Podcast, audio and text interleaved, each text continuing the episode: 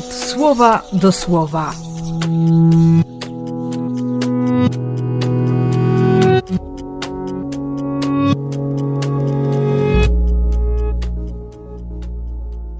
Ósmy lutego, środa.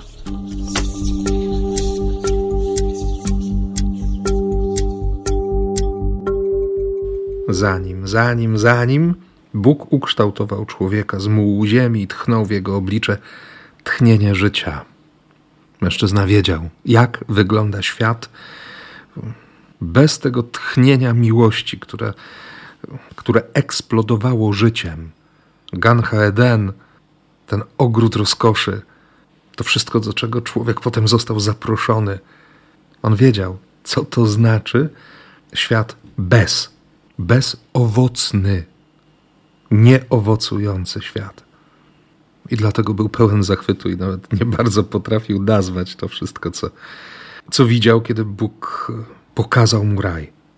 Kiedy Bóg powiedział mu, że, że to wszystko jest dla niego i że on ma się o to wszystko troszczyć. I było oczywiste, że ta hojność, to piękno, to dobro jest dla człowieka. Jest szansą przyjęcia miłości.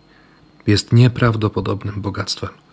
Chodziło tylko o to, żeby, żeby tego wszystkiego nie pomieszać, żeby nie stracić Bożej perspektywy, żeby nie uzurpować sobie prawa do stanowienia prawa, do mówienia, co jest dobre, a co jest złe. Niestety trochę nam się to wszystko pomieszało.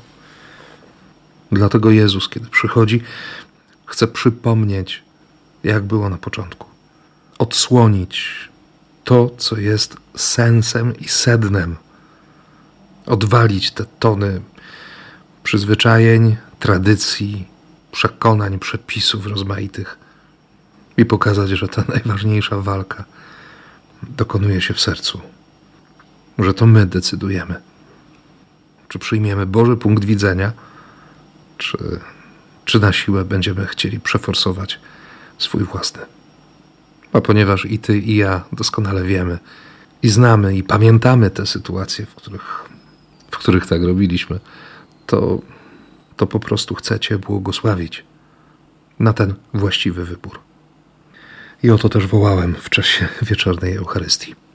Dla Ciebie, dla nas.